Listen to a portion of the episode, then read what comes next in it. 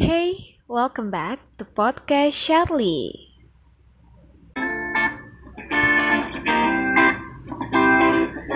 Hai, halo guys. Uh, kembali lagi nih bersama gue di podcast Shirley tentunya. Dan sekarang gue lagi ada di kawasan Bandara Internasional Halim Perdana Kusuma. Tepatnya di salah satu kantor yang memang bergerak di bidang jasa penerbangan, khususnya di private jet ataupun private helicopter. Tempatnya cozy banget. Yaps, gue lagi ada di kantor Premier Group, tepatnya di Sapphire Lounge Premiernya. Ini tempatnya keren banget Alhamdulillah, gue dipersilakan untuk bisa explore kantor Premier Group oleh salah satu senior yang kece banget nih di samping saya. Ya, so excited. Nah, teman-teman sekalian, jadi Premier Group ini merupakan salah satu company yang bergerak di bidang uh, operator jasa penerbangan ataupun pengelolaan, penyewaan helikopter ataupun private jet yang memang melayani pasar domestik hingga internasional. Wow, keren banget. Dan tentunya sesuai dengan janji gue di podcast sebelumnya bakal menyajikan topik menarik. Kali ini gue bakal menyajikan topik yang memang tengah hangat diperbincangkan di seluruh uh, di kalangan masyarakat Indonesia. Dan memang kemarin sempat booming banget di akhir tahun 2018 diperbincangkan hingga sekarang ternyata masih aja diperbincangkan yaitu seputar tentang dunia penerbangan Indonesia yang sedang hangat jadi sorotan baik itu dari segi perkembangan industri penerbangan itu sendiri dan juga seputar kenaikan harga tiket pesawat. Wow, luar biasa banget sih.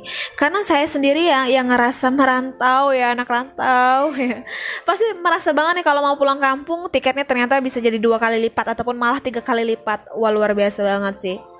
Jadi uh, tiket harga pesawatnya melambung tinggi, ada juga kebijakan um, apa bagasi berbayar juga sehingga banyak juga masyarakat yang protes nih dan menganggap maskapai terlalu banyak mengambil keuntungan hingga nih membuat para pengguna moda transportasi udara ini merasa tercekik gitu kan. Tapi di sisi lain dapat juga berita bahwa ternyata maskapai Indonesia sendiri ternyata uh, tengah menghadapi kerugian kayak gitu. Sebenarnya penasaran, sebenarnya kenapa sih ada apa dengan dunia penerbangan kita? Jadi sesuai topiknya kita hari ini akan mengupas, membahas tentang industri penerbangan Indonesia, potensi, challenge dan banyak lagi kita juga akan mengupas tentang bagi yang penasaran ya kenapa sih tiket mahal akan kita kupas pada podcast gua kali ini. Yaps, hari ini topiknya itu berkenaan dengan ada apa nih dengan penerbangan Indonesia? Dan tentunya di samping gue sendiri yang keren banget itu ada sosok senior yang sangat menginspirasi asik. Beliau benar-benar expert ya di bidang dunia penerbangan. Dan di mana telah berkiprah yang lebih dari lima tahun sebagai konsultan penerbangan itu sendiri pecinta langit tulen asik. Pecinta langit sejati ya di mana dia uh, suka banget sama kuat-kuat langit kayak gitu. Dan memang sejak mahasiswa memang sudah aktif nih di berbagai ajang yang terkait dengan dunia penerbangan. Dan beliau merupakan salah satu pendiri Himpunan Mahasiswa Penerbangan se-Indonesia. Keren banget. Dan sekarang juga sebagai bisnis development di Premier Group. Wow, keren banget. Jadi kita langsung sambut saja siapakah beliau. Beliau adalah Kak Saladin. Ye, Kak Saladin apa apa kabar? Alhamdulillah baik. Halo semua. Salam kenal. Salam kenal. Sehat ya, Kak ya? Nah, tadi kan udah dibilang nih kalau Kasalin tuh kayak pecinta langit, pecinta dunia penerbangan, pokoknya udah berkiprah ya lebih dari lima tahun untuk penerbangan Indonesia. Sebenarnya kenapa sih Kak Saladin tertarik dengan dunia penerbangan di Indonesia sendiri?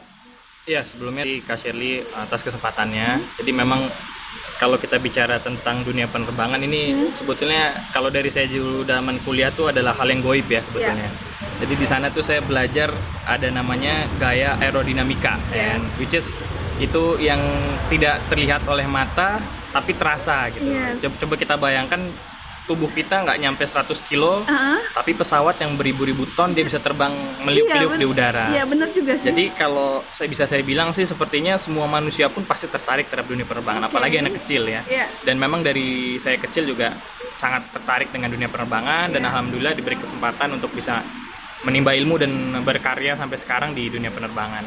Jadi uh, dunia penerbangan itu dunia yang sangat menarik dan yang pasti semua bidang keilmuan ada di sana. Wow. Nah, kalau kita mau naik pesawat, kan kita Hmm. bisa lihat ya uh, ada apa namanya elektronikanya Iya. ada, kemudian uh, apa namanya ilmu macam-macam lah, termasuk dari kalau kita mau naik pesawat kan berdoa Ah, kan, yes. ilmu agama juga Iya ada. situ. benar sekali komplit Iya, komplit komplit, ilmu ya, iya. ya perpaduan ilmu ya. Iya, perpaduan Ya. ilmu semuanya ada, fisika semua ada, Ada. elektronika.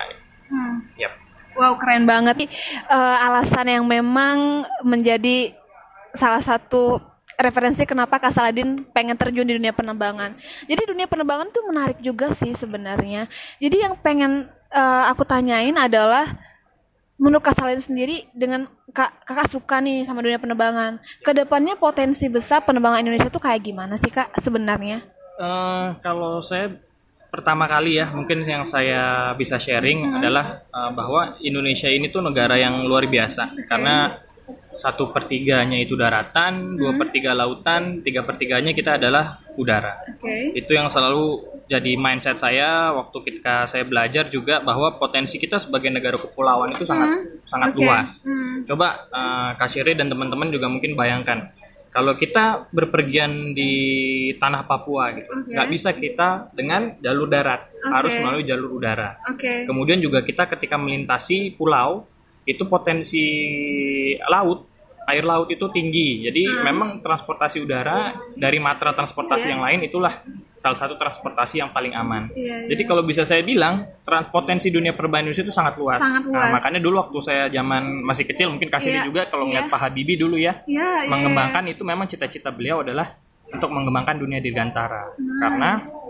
sebagai negara kepulauan dengan mungkin ber- berbelas ribu ya, Iya, berbelas ribu pulau, pulau. itu salah satu kunci adalah jembatan udara dengan pesawat terbang. Oke. Nah, yang sekarang lagi dikembangin di PTDI yang N219 Hmm. itu uh, penum- uh, pesawat dengan 19 penumpang. Oke. Itu cocok karena dia bisa landing di landasan uh, apa namanya? landasan pendek. Oke. Jadi satu bupati, Iya. satu gubernur pun dengan pesawat itu bisa meninjau daerah-daerah. Iya. Dengan adanya itu ekonomi akan terbangun Oke. dan uh, masyarakat juga bisa termonitor dari pemerintahan-pemerintahan uh, di daerah mereka masing-masing. Luar Jadi kalau ditanya banget. potensinya gimana? Sangat, luar biasa sangat besar. banget ya. Ya, betul.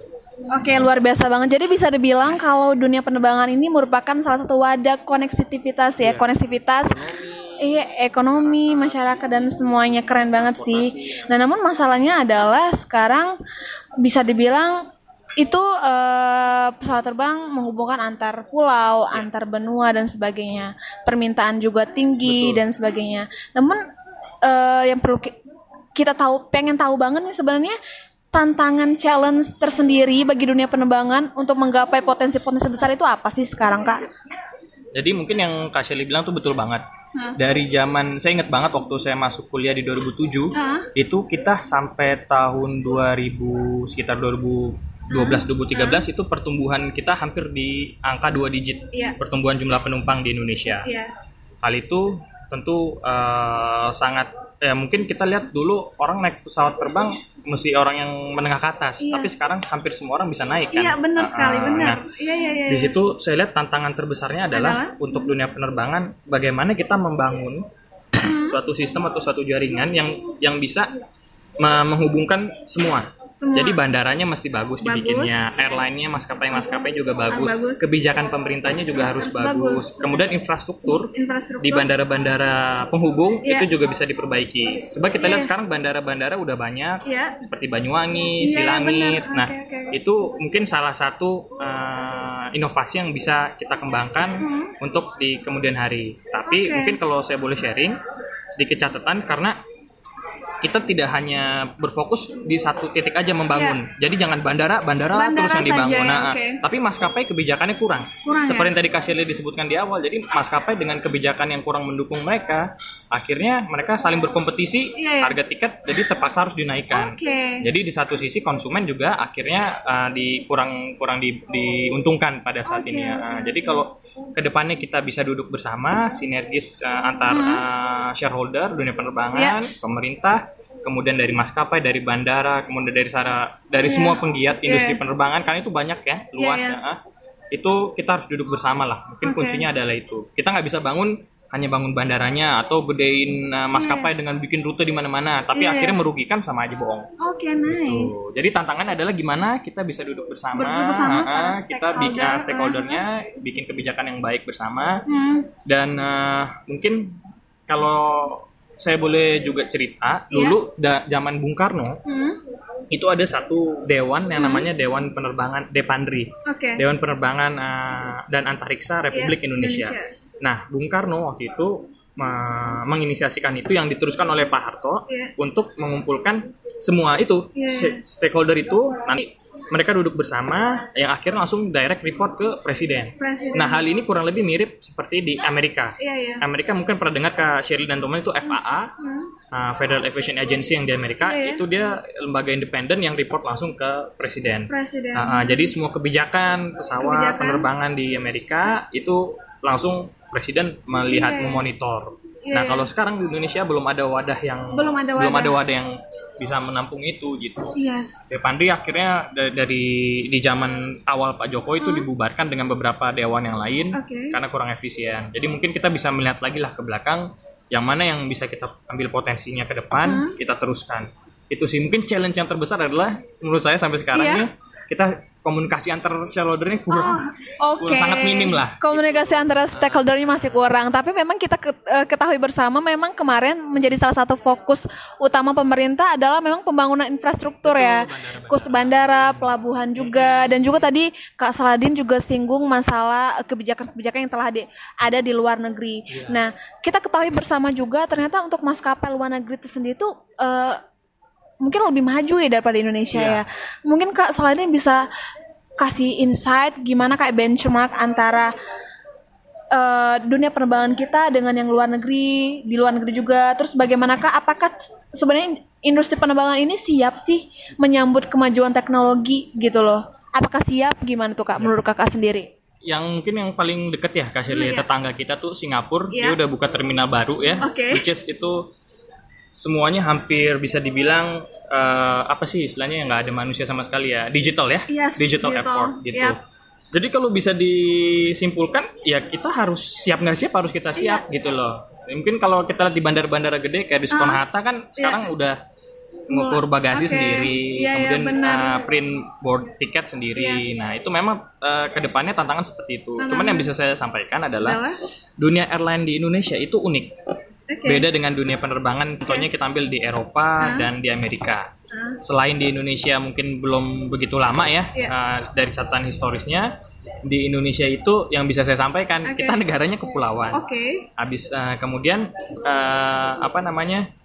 Karena kepulauan itu otomatis uh, per- pengembangan di daerahnya pun Iya. pasti kan terbatas kan. Kalau kalau di Amerika atau di Eropa kan dia daratan. Daratan. Jadi Iya. jadi pilihannya bisa banyak, bisa jalan tol yang tadi kakak Iya. bilang infrastruktur. Nah, Iya. kalau di Indonesia itu kita harus bangun uh, suatu bukan apa ya istilahnya kita merencanakan lah Kan? kayak bandara nih. Iya, iya. Saya ingin menyoroti bandara. Oke. Bandara itu eh, bagus sih eh, dibangun, Iya. tapi tidak semuanya juga dibangun untuk internasional. Yes. Kenapa saya bilang begitu? Contohnya itu di Amerika. Di Amerika itu ada bandara, itu bandaranya gede, Iya. tapi dia khusus domen- menerima kedatangan domestik, Hmm. tidak untuk internasional. Walaupun secara mungkin secara hitung-hitungan dia bisa menerima penerbangan internasional. Iya. ah. Nah, kenapa saya bilang begitu? Karena ketika kita membuka suatu bandara internasional, otomatis kan kakak harus menyiapkan yang adanya namanya imigrasi, Yes. ah. kemudian customs, ya Iya, kan, ah. untuk deklarasi bea cukai dan Iya, lain-lain. Nah, ah. itu kan biaya lagi, Ah. effort lagi kan. Iya, iya. Nah, dan yang satu sisi,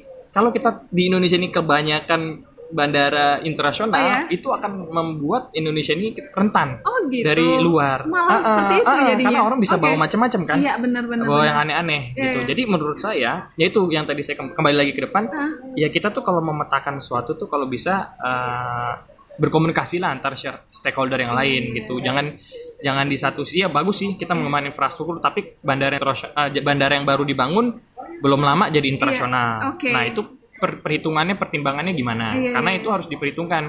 Oke. Kembali yang kakak bilang tadi, eh, kita menghadapi yang namanya ASEAN Open Sky. Oke. Ya, Ah, ah. nah, mungkin udah banyak yang dengar juga. Jadi Iya. Open Sky ini menarik karena eh, setengahnya langit ASEAN Iya. itu langit Indonesia. Indonesia, Coba wow. eh, kalau Wow, kita lihat banget ya. banda eh, di peta iya. itu setengahnya langit kita. Indonesia. Nah, yang menariknya lagi Hah? di ASEAN Open Sky itu Thailand, Iya. eh, Filipina, mereka cuma eh, over satu, satu atau dua bandara. Iya. Indonesia tahu nggak berapa?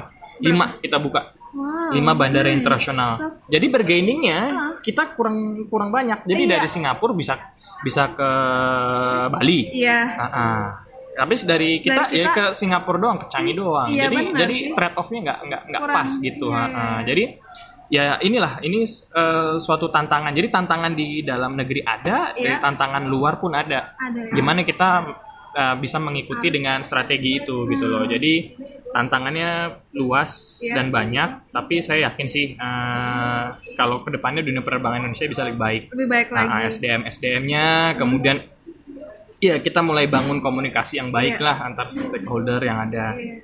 gitu. Jadi jangan kita merasa kita bisa bikin bandara internasional Iya, banyak, Iya ya. tapi di satu sisi kita ada kecolongan. Kan waktu itu Kecolongan. sempat ada kecolongan juga kan di Yang- bandara kita yang, yang penumpang eh, malah landing di terminal Iya. domestik ya kan Iya, dari iya. penu- penerbangan internasional. Internasional. Ah, jadi dia nggak ngelewatin imigrasi. Hmm. Itu kan sebetulnya violating the law juga gitu Hmm. karena secara hukum nggak bisa. Iya iya iya.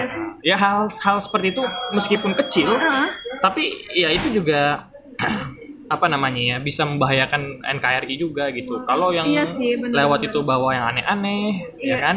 Apalagi sekarang peredaran, mohon, mohon maaf ya, peredaran ganja, sabu Iya, itu kan sekarang di mana-mana banyak. wow. Itu bisa jalur laut, apalagi Darat, jalur udara. iya. Ah, ah.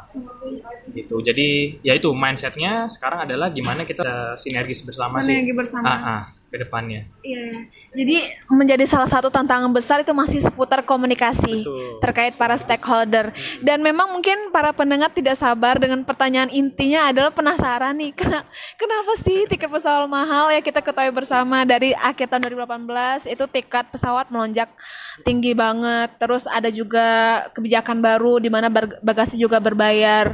Jadi Eh, aku pengen tahu nih dari Kak Saladin kira-kira pe- penyebabnya apa sih? Apakah masih seputar kebijakan itu sendiri, komunikasi dari stakeholder yang memang belum belum terorganisasi dengan baik gitu. Jadi kita pengen tahu penyebabnya apa sih biar para pendengar ini nggak penasaran lagi gitu. Gimana tuh Kak Saladin? Iya, itu dari akhir tahun 2018 sampai Iya. sekarang Ah. pun masih tinggi ya kak ya. Iya, sampai hari ini tanggal 21 April Iya, ah. itu angka kenaikan harga tiket tuh cenderung tinggi. Iya, Saya baca di berita itu hampir 50 sampai 100% Iya benar dari sekali, tahun Kak. lalu. Ah. Jadi sebetulnya kalau mungkin uh, Kak Shirley dan teman-teman pernah sering juga nggak dengar Ah. dibaca di berita Ah. bahwa harga kenaikan tiket itu uh, akibat uh, harga aftur naik Oke. mungkin ya. Oh, Ya kan? iya. Itu itu sebetulnya ingin saya sampaikan bahwa harga aftur itu harga fuel itu memang kalau kita lihat komposisi dari suatu cost di Iya. dunia penerbangan Ah. itu adalah direct operating cost Yes. itu hampir 60 sampai 70 persen fuel itu sendiri ya. Oke, Jadi oke. kalau harga dolar naik, fuel tinggi, otomatis costnya tinggi. Berpengaruh. Berbe- beban Iya, beban buat oke. nah, berpengaruh. Iya, iya. Tapi di sini saya baca eh, data yang saya dapatkan Hmm. harga aftur di Januari 2019 itu eh, tidak jauh dengan harga aftur di Janu- Januari 2018. Wow, Jadi sebetulnya Ah, hal yang menyebabkan ini tidak semata-mata hal teknis. Nah, ya. Jadi saya juga eh, beberapa waktu lalu diskusi dengan teman-teman di airline iya. ada teman saya yang bekerja di airline jadi memang karena ya kita seperti, seperti kita ketahui kan Ah. jadi uh, apa namanya persaingan Iya, persaingan maskapai itu kan uh, juga menentukan ya jadi tahun lalu itu mereka istilahnya bergerilya lah Hmm. jadi menurunkan uh, harga tiket di Oke. suatu level Ah. di mana supaya mereka bisa menarik para uh, penumpang. Penumpang, Mm-mm. oke. Nah, di tahun 2018 itu mereka melakukan strategi itu dan di 2019 mereka akhirnya ter- dengan terpaksa Iya. menaikkan batas atas dari tiket pesawat mereka Oke. untuk menutupi bahkan defisit dari yang Defisit. mereka dapat dari tahun sebelumnya. Oke. Jadi dari mas dari maskapai pun karena terbebani oleh Terbebani. strategi marketing mereka, Oh, strategi ah. jualan tiket dari tahun lalu Iya, iya. dan tahun-tahun sebelumnya, Iya. mereka akhirnya eh, dengan amat sangat terpaksa harus menaikkan harga tiket di tahun 2019 ini. Iya, itu tidak bisa disalahkan salah satu pihak iya, gitu. Karena benar-benar. yang namanya ekonomi kan kita nggak bisa Yes. ah. nggak bisa ini kayak prediksi atau apa. Tapi Iya. yang jelas kalau menurut saya di sini peran penting pemerintah, Iya. kebijakan pemerintah. Eh, kalau saya cermati Hmm. beberapa kali itu ada ada ya semacam kalau kita lihat di berita Oke. ya permintaan harga tiket dari salah satu maskapai BUMN minta diturunin. Oke. Gitu ya kan mungkin kakak dan teman-teman pernah dengar juga. Iya benar-benar. Nah kalau kita kembali ke prinsip awal, Oke. kalau kita bikin perusahaan kan tentunya pengen profit dong. Iya Ya kan benar. nggak bisa dong kita nyuruh suatu perusahaan Iya, itu tapi defisit ya. Ah, Ah. tapi merugi, Merugi gitu, gitu, ah. kan. Oke. Nah, makanya juga saya ngobrol juga sama teman-teman, ya ya udah oke kita turunin harga tiket Oke. itu, tapi untuk biaya-biaya misalkan dari biaya cas bandara Bandara. atau biaya dari yang dikenakan oleh Ah. stakeholder lain kan ada dari Pertamina Aviation Iya, ada iya, tuh. Kemudian dari Bandara Angkasa Pura Angkasa Pura 1 Hmm. itu mereka juga kena biaya. Nah, kalau Hmm. biaya itu mereka bisa sinergiskan, saya yakin uh, harga tiket juga bisa menyelaraskan dari kebijakan yang diambil Kebijakan. seperti itu gitu. Hmm. Jadi kalau ditanya kenapa masih tinggi, Tinggi. ya karena di tahun sebelumnya mereka benar-benar habis-habisan. Ah, ah. jadi eh cost-nya nambah, Nambah tapi, dia jualannya dimurahin. Nah, iya, ah, iya. akhirnya dia minus. Defisit. Seperti yang tadi kakak bilang Iya. di awal, kita masih negatif untuk uh, maskapai Iya. BUMN kita Iya. sampai dengan hari ini. hari ini. Ah, ah, masih masih negatif. Jadi ya itu alasan utamanya bukan karena harga aftur lebih tinggi dari Tinggi, tahun bukan. lalu, enggak juga. Tapi Ah, ah, karena- tapi karena ya itu pembebanan dan ah, karena persaingan dari masing-masing maskapai. Oke. Ah, ditambah sekarang mungkin ada fenomena salah satu maskapai join ya. Iya. Jadi sekarang ada Oke. semacam duopoli lah. Dua Duopoli dalam dunia penerbangan Indonesia. Iya. Ya kan salah maskapai warna merah sama maskapai warna apa biru ya. Iya, jadi ya Iya, iya. itu menarik sih karena Menarik ya? menarik karena itu mirip-mirip dengan dulu di Amerika juga Oke, Ah, di gimana Amerika tuh bisa diceritain? jadi kalau di Amerika kan dulu ada Northwest sama Southwest ya Oke. gitu jadi ya ada dua big big airline Ah, hmm. bersaing nah gimana persaingan itu menjadi sehat Iya. inilah kuncinya ada di pemerintah, Pemerintah, regulator oke. itu kak kalau bisa saya sampaikan gitu jadi kalau Oke. ditanya kenapa ya itu memang itu, Itu kenyataannya seperti kenyataannya itu seperti itu. Wow, luar biasa. Jadi bisa kita bilang berarti bertahun-tahun yang lalu Indonesia mengalami eh, untuk maskapai sen- sendiri eh, khususnya di Indonesia itu mengalami kerugian. Iya, karena dia jualan Oke, jadi eh, kok jadi yang pertanyaannya adalah jadi selama ini gimana sih cara-cara maskapai bisa bertahan hidup asik Iya. bahasannya ya. Bisa bertahan itu bagaimana tuh Kak kira-kira strateginya? Ya kalau yang saya cermati ya uh, strategi untuk bertahan itu, Eh. bertahan itu kan otomatis kalau costnya stabil kita Iya. harus naikin revenue ya kak ya. oke. Jadi revenue itu ada yang mungkin di udara Iya. ya atau di yang di darat. Misalkan Oke. di darat sekarang mungkin kakak lihat itu maskapai-maskapai udah ada yang ngecat pesawatnya dengan eh, salah satu produk lah Iya, ya iya, atau iya, di benar. dalam Iya banyak sekali iklan. Ah, ah, Iya, iklan, iya, di iklan, dalam iklan. cabinnya juga, Ya, kemudian promo-promo Eh. eh, di tiketnya juga. Iya, itu oke. kan salah satu eh, hal yang bisa men- menaikkan revenue. Oke. Jadi tidak semata-mata naikin harga tiket. Tiket, Karena saya lihat itu de- eh, dengan kenaikan harga tiket dari akhir 2018 sampai 2019 eh, Q1 ya, quarter Ah, 1 ini iya. sampai April ini ternyata bandara-bandara hampir kehilangan penumpang se 20%. Wow. Iya, jadi- so big. Jadi Iya, iya, iya. percuma naikin harga tiket tapi yang beli dikit Dikit gitu iya. akhirnya Oke. impas kan Iya, jadi sama aja benar-benar. bohong gitu loh jadi ya kalau menurut saya sih lagi-lagi ya memang kita harus ya duduk bersama ya stakeholder Bersama para Ah, ah, stakeholder. di sini pemerintah perlu punya pegangan apa jadi key key key role lah di Key sini role, ah, ya, untuk oke. bisa bisa bisa mengatur ini semua gitu loh. Oke, bukan bukan oke. bukan hanya cuman Iya. minta harga tiket harus diturunkan Iya. nggak nggak kayak kayak Iya, gitu, iya. nggak semudah menaikkan Oke. eh, membalikan ke eh, telapak tangan lah Iya benar gitu. Ini karena beruntut beruntut kak. Jadi nanti sewa bandara kan pasti pengaruh ke Iya, airline, ya oke. kan. Terus harga aftur juga kalau misalkan dia bisa dikasih diskon itu juga akan ber- berefek kepada Iya. cost dia. Oke. Ketika cost dia rendah dan revenue dia tetap stabil, artinya Oke. kan dia bisa menaik mengambil profit di situ. Profit Nah, baru dia bisa menstabilkan harga tiket. harga tiket itu Gitu. sendiri. Ah, Wow. ah. Oke oke. Jadi menarik sekali ini ya teman-teman sekalian. Jadi sebenarnya ada satu pertanyaan yang memang kemarin tuh memang heboh juga di grup WhatsApp. Mereka bilang penasaran salah satu strategi memang untuk maskapai nasional bertahan adalah dengan ya mem- Iklan. iklan dan sebagainya. Terus ada yang bilang juga bukan bilang sih kayak menyinggung apakah pernah ada juga kayak pengurangan gaji karyawan di dunia penerbangan? Oh. Apakah pernah ada yang seperti itu?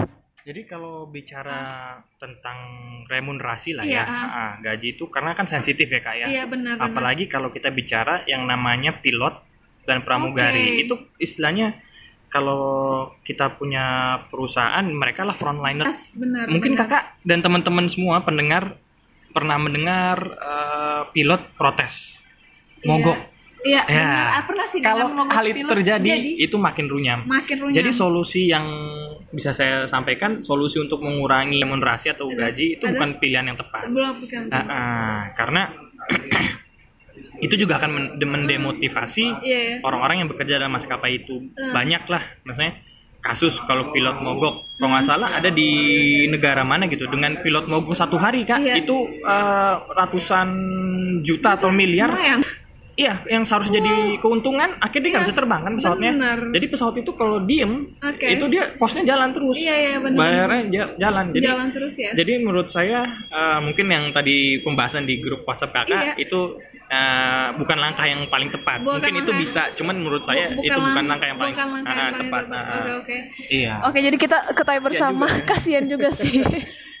jadi kita ketahui bersama nih guys, ternyata berbagai strategi yang telah dilakukan oleh eh, maskapai maskapai penerbangan di Indonesia, baik itu dengan iklan dan berbagai strategi lainnya. Salah satunya mungkin dengan naik eh, penaikan harga tiket pesawat. Iya. Namun ternyata tidak ngepek banget ya kayak. Iya, malah turun 20%. malah iya malah Bandara-bandara. iya malah penumpang turun nih kuantitasnya jadi pengen tahu juga sebenarnya tadi kan udah disinggung tuh salah satu memang key role untuk dunia penerbangan Indonesia ini biar nggak meru- rugi melulu adalah sinergi antara antara pemerintah dan para stakeholder. Iya, betul, Kak. Menurut kalian sendiri gimana sih langkah bijaknya? Terus bagaimana juga nih kemarin ada juga yang nanya kayak kebijakan atas bawah atas bawah itu apa Ah, sih? oke. Mungkin bisa dijelaskan Nah, gitu. Kak. Baru tadi saya mau ngejelasin Iya, juga oke, kan. Jadi tarif atas bawah dan tarif atas eh, atas Oke. itu diatur di Undang-Undang Nomor 1 Tahun Oke. 2009. Ah. Itu undang-undang khusus untuk mengatur regulasi penerbangan, Kak. Oke. Nah, itu sih sebenarnya sederhana aja. Ah. Jadi misalkan kakak eh, pulang ke Bengkulu nih, Oke. tarif eh, bawahnya ada di angka 400.000 ribu, Hmm. tarif atasnya ada di angka 1,2. Oke. Jadi maskapai tidak boleh melebihi limit itu, Oke. gitu. Jadi misalkan eh, ada salah satu maskapai dia mau promo, Oke. promonya nggak boleh 300.000 ribu, Oh nggak boleh. nggak boleh, Harus. karena 400. Iya iya iya. Nah, dia akan momentum nih, Lebaran. Iya iya. Wah, gue jual mahal deh karena banyak sup Banyak. demandnya banyak, Iya, itu ya kan? selalu ya, kayak gitu. Pasti selalu lebaran kan harga tiket naik. Iya. Nah, pemerintah Ah. memiliki kebijakan Ah, tarif ah, batas atas. Oke. Jadi nggak boleh jual Bengkulu 5 juta. iya. Walaupun sebetulnya bisa aja, secara Bisa aja. hukum ekonomi bisa kan. Bisa, ya. Ketika supply itu sedikit dan di- demand tinggi, yang jualan supply dia bisa menjual berapapun karena yang Iya. demand itu akan membeli, Hmm. ya kan. Tapi di sini pemerintah memiliki kebijaksanaan untuk tarif batas atas. Iya, Jadi iya. tidak boleh lebih mahal. Dan itu ada kak tabelnya. Oke. Jadi itu- menarik.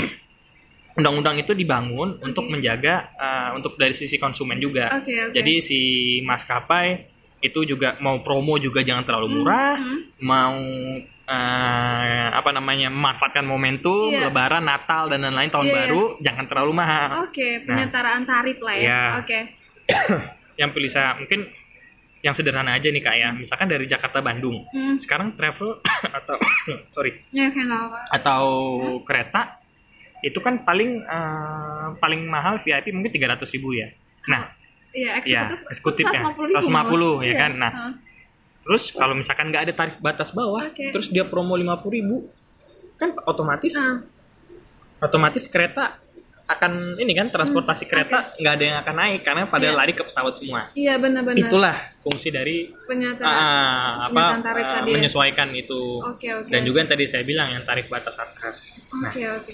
cuman di sini ada menarik juga kak. Iya gimana tuh? Ada beberapa orang yang berpendapat, loh ini kan ekonomi. Kalau mau diatur jangan diatur semua. Iya. Jadi kalau mau yang diatur diatur itu batas uh, salah satu tarif batas atas saja gitu. Iya. Yang bawahnya nggak usah. Nggak usah ya. Let them com- compete gitu loh. Yes. Biarkan mereka berkompetisi. Iya. Tapi ketika mereka berkompetisi pada akhirnya mengorbankan uh, revenue mereka, Uh-huh. akhirnya kan bisa kita lihat sendiri.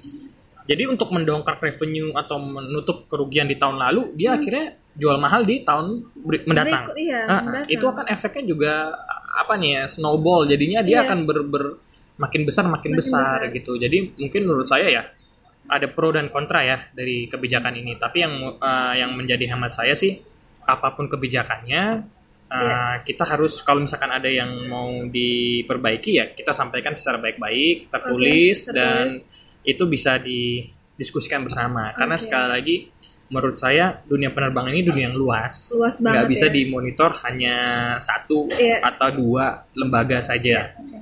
tadi yang kakak bilang kalau pemerintah itu punya hak dan punya kewajiban Iya. untuk mengatur ini, saya bisa sampaikan bahwa Indonesia tuh nggak cukup punya Menko apakah maritim. Iya, kayak yang kayak gitu Indonesia tuh punya harus menurut saya punya Men- kemen- Menko khusus menangani Oh, nah, dunia penerbangan. Penerbangan Iya. Menko khusus ya. Iya dong, Iya, iya. atau suatu menteri khusus dia, Iya. Ah, yang yang langsung report ke presiden. Dunia Karena kalau Menhub ya. nih, Menhub nih me- megang empat nih kak. Iya. Ada darat, Iya. laut, udara sama perkeretaapian. Yes. Dirjennya empat. Nah, Iya. sedangkan kalau kakak lihat ada suatu hal aja di penerbangan Iya. kayak misalkan, mohon maaf ada kecelakaan atau apa, Iya. ada accident, Oke. ada yang runway ini, Oke. si Menhub nih kan pasti akan berfokus di situ kan. Iya, benar sekali. akan sih. terkuras lagi energinya. Belum Oke. lagi dia ngurusin ojek online yang di darat, Iya, ya kan? benar. Dia ngu- ngurus lagi Banyak tadi sekali ya. pelabuhan jalannya. terlalu banyak. Banyak, Jadi banyak. mungkin kalau bisa saya lihat, ya Indonesia ini dua per tiga lautan kan, aja punya Kemenko Maritim dan Kelautan. Iya. Kenapa kita tiga per tiga udara? Iya, benar sih. kita nggak punya satu lembaga Iya, atau iya. suatu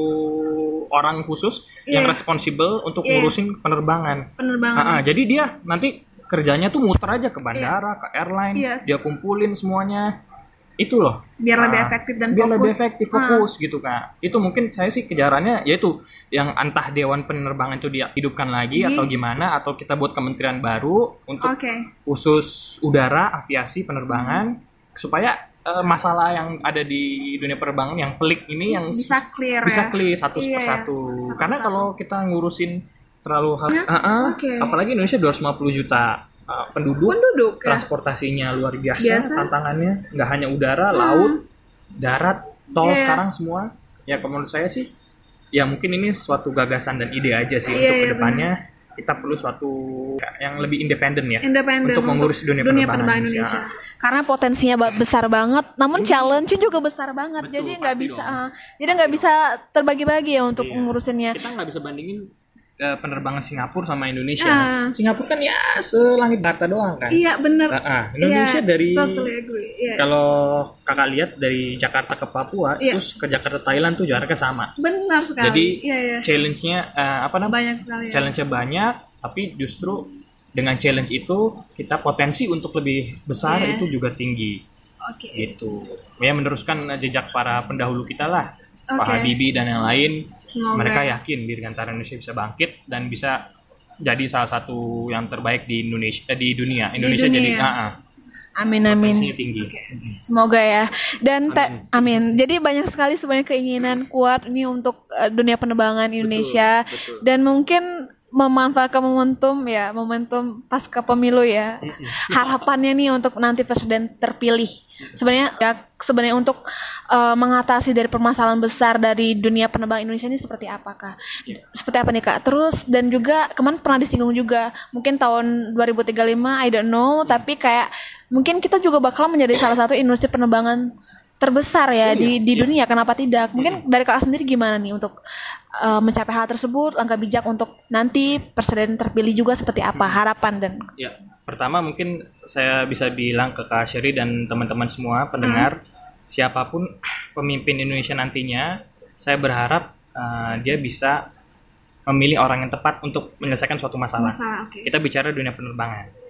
Jadi uh, dunia penerbangan ini bukan dunia yang orang sehari dua hari belajar langsung Oke. ngerti. Iya. Jadi saya banyak melihat bahwa pejabat-pejabat di BUMN atau di Hmm. mana itu banyak yang latar belakangnya bukan di penerbangan, Oke. tiba-tiba ditugaskan di sana. Oke. Saya nggak tahu apa yang melatar belakangi itu, tapi mudah-mudahan di kepemimpinan Dunia. selanjutnya pemerintah bisa lebih bijaksana lagi untuk Untuk- menunjuk orang yang capable, Untuk yang udah berpengalaman Iya, untuk memimpin entah itu maskapai, bandara atau mana pun Iya, gitu. oke. Karena yang tadi kita singgung di awal dunia penerbangan itu uh, dunia yang sangat menarik, Hmm. dunia yang nggak semua orang bisa paham, Oke. bisa ya istilahnya karena di sini kita bicara hal yang high safety, high capital ya, Yes. safety-nya tinggi, duitnya besar, Besar banget. Ah, ah. kemudian high juga uh, tinggi SDM-nya banyak Iya, ya pilot benar, benar, uh, benar. pramugari tapi di belakang itu ada teknisi kemudian Banyak ada pihak yang ada banyak di back office-nya ada Oke, banyak banyak banyak yang terlibat. terlibat. ada airnav ya kan Iya, iya. ada navigator dan lain-lain jadi eh, memang harapan saya sih satu aja pemimpinnya dia bisa memilih orang yang tepat Tepat. untuk posisi yang Ngurusin tepat iya ngurusin penerbangan dan tadi yang tadi gagasannya Iya. mudah-mudahan eh, bisa muncul lembaga khusus, atau Amin. orang independen Iya, iya. yang bisa mengurus dunia penerbangan Indonesia karena eh, Indonesia tuh dari Aceh sampai Papua tuh Oke. ada 5.000 km kemudian bandaranya ada puluhan yang bandara Oke. besarnya dan airstrip airstrip Oke. yang bandara yang cuman runway-nya aja kak Oke. itu tuh ada ratusan Hmm. di Papua sendiri ada banyak di Hmm. Kalimantan ada banyak Ada banyak. jadi menurut saya itu perlu effort yang besar, Effort yang dan besar. uh, fokus untuk, untuk menanggulangi itu. Ada suatu yang Menanggulangi. independen di situ. independen. Ah, ah. Kalau dari saya itu sih kak paling. Oke. Jadi banyak sekali nih dengan dunia industri penerbangan kita yang maju mungkin nanti juga berdampak ya dengan berbagai macam sektor ekonomi, pariwisata, perdagangan dan lain sebagainya. Jadi mungkin bagi mungkin anak-anak muda yang lagi denger podcast Shirley nih kali ini mungkin Kak Salin ada pesan kesan untuk anak muda kenapa sih kamu tuh juga bisa eh, apa terjun di dunia penerbangan menjadi salah satu opsi untuk kontribusi di, di Indonesia kayak gitu. Gimana tuh Kak?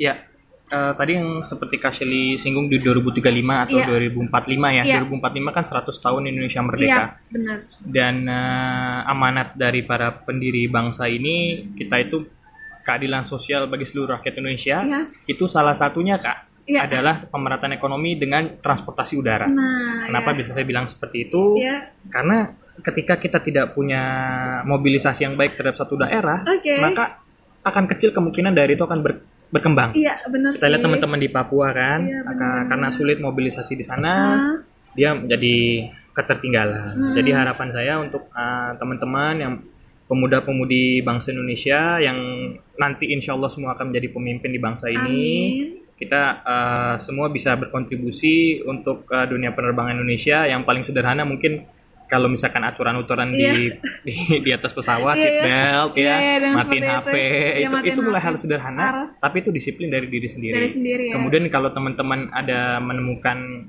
suatu uh, ide atau suatu gagasan itu sampaikan aja. Hmm. Uh, yang tadi Kak Shirley tadi sempat singgung Iya. juga di dari pembahasan di WhatsApp group Iya, ya udah kurangin aja gajinya sam- kayak iya, gitu. Itu, itu sampaikan kan itu ide tuh? kan nggak apa-apa. Iya. Ya, sampaikan aja ke teman-teman yang Iya. yang bergerak seperti saya Saya, di, oke. di, di industri di Gantara kita Oke. bisa brainstorming lah. Oke, Karena kalau saya nice. kan sebagai pelaku, Kak. Shirley dan teman-teman adalah pengguna. Pengguna Nah, ya, tentunya benar. kan pengguna kan memiliki berbagai pengalaman Oke. dan pasti dengan adanya pengalaman itu Ah. punya punya ide untuk inovasi untuk Iya. bisa lebih berkembang. Iya, benar Jadi sekali. sebagai pemuda tentunya kita harus eh, punya inovasi, punya gagasan Iya. dan yang jelas kita kembali kita harus bisa saling sinergis dari sekarang. Yes. Karena nanti ke depannya entah di mana pun kita berada di industri mana pun bahkan mungkin di pemerintahan suatu saat kita bisa saling berkolaborasi. Berkolaborasi Ah, ah. untuk khususnya Indonesia. kalau dari saya sendiri untuk industri di Gantara. Industri Karena Gantara. saya yakin tadi seperti Kasih bilang di 2035, 2045 Indonesia itu dengan ya anak-anak Indonesia pinter-pinter ya,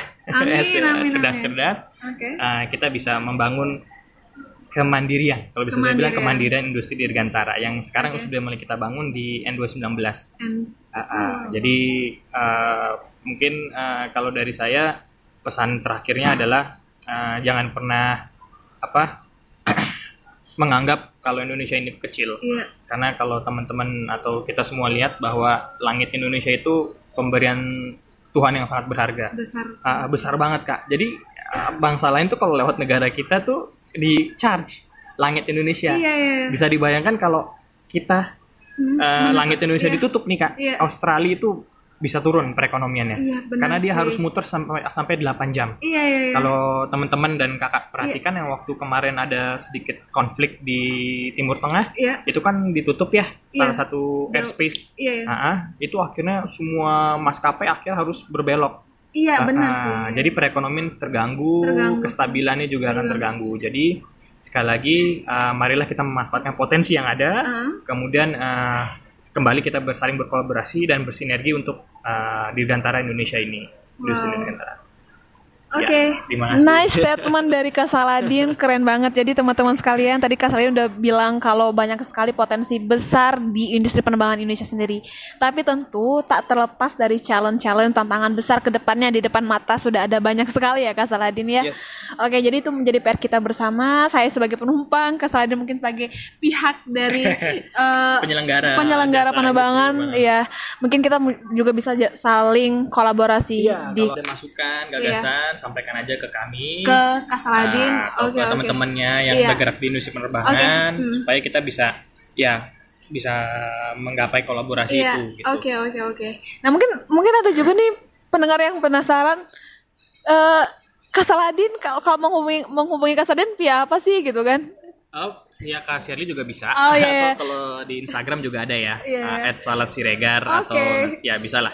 Cari. Saladin Siregar Sa- di platform media Oke, sosial. Nah, oke. Kita bisa stay in touch untuk komunikasi selanjutnya. Oke, yang Mbak. kasih. Oke, bagi yang tertarik di dunia penerbangan, pengen Tanya-tanya. discuss lebih lanjut, tanya-tanya, pokoknya Kak Saladin welcome banget, feel free untuk ask Kak Saladin di, tweet, eh, di Instagram, at Saladin, Twitter, ya, at Saladin Seragar, ataupun via email saya, Iya, cerita, ya, cerita dan Shirley at gmail.com. pokoknya Kak Saladin, terima kasih banyak sudah meluangkan waktunya. Terima kasih juga. Ya, pokoknya, ya, terima- terus untuk penerbangan Indonesia. Amin. Untuk Indonesia. Indonesia yang lebih semua baik. Lebih baik. Amin. Pokoknya terima kasih banyak Kak Saladin. Tadi udah diajak juga keliling. Ke lounge iya, launch Premier Group. Langsung. Nice, keren banget pokoknya. Semoga selalu semakin berdedikasi untuk penerbangan Amin, Indonesia. amin, insya Allah. amin.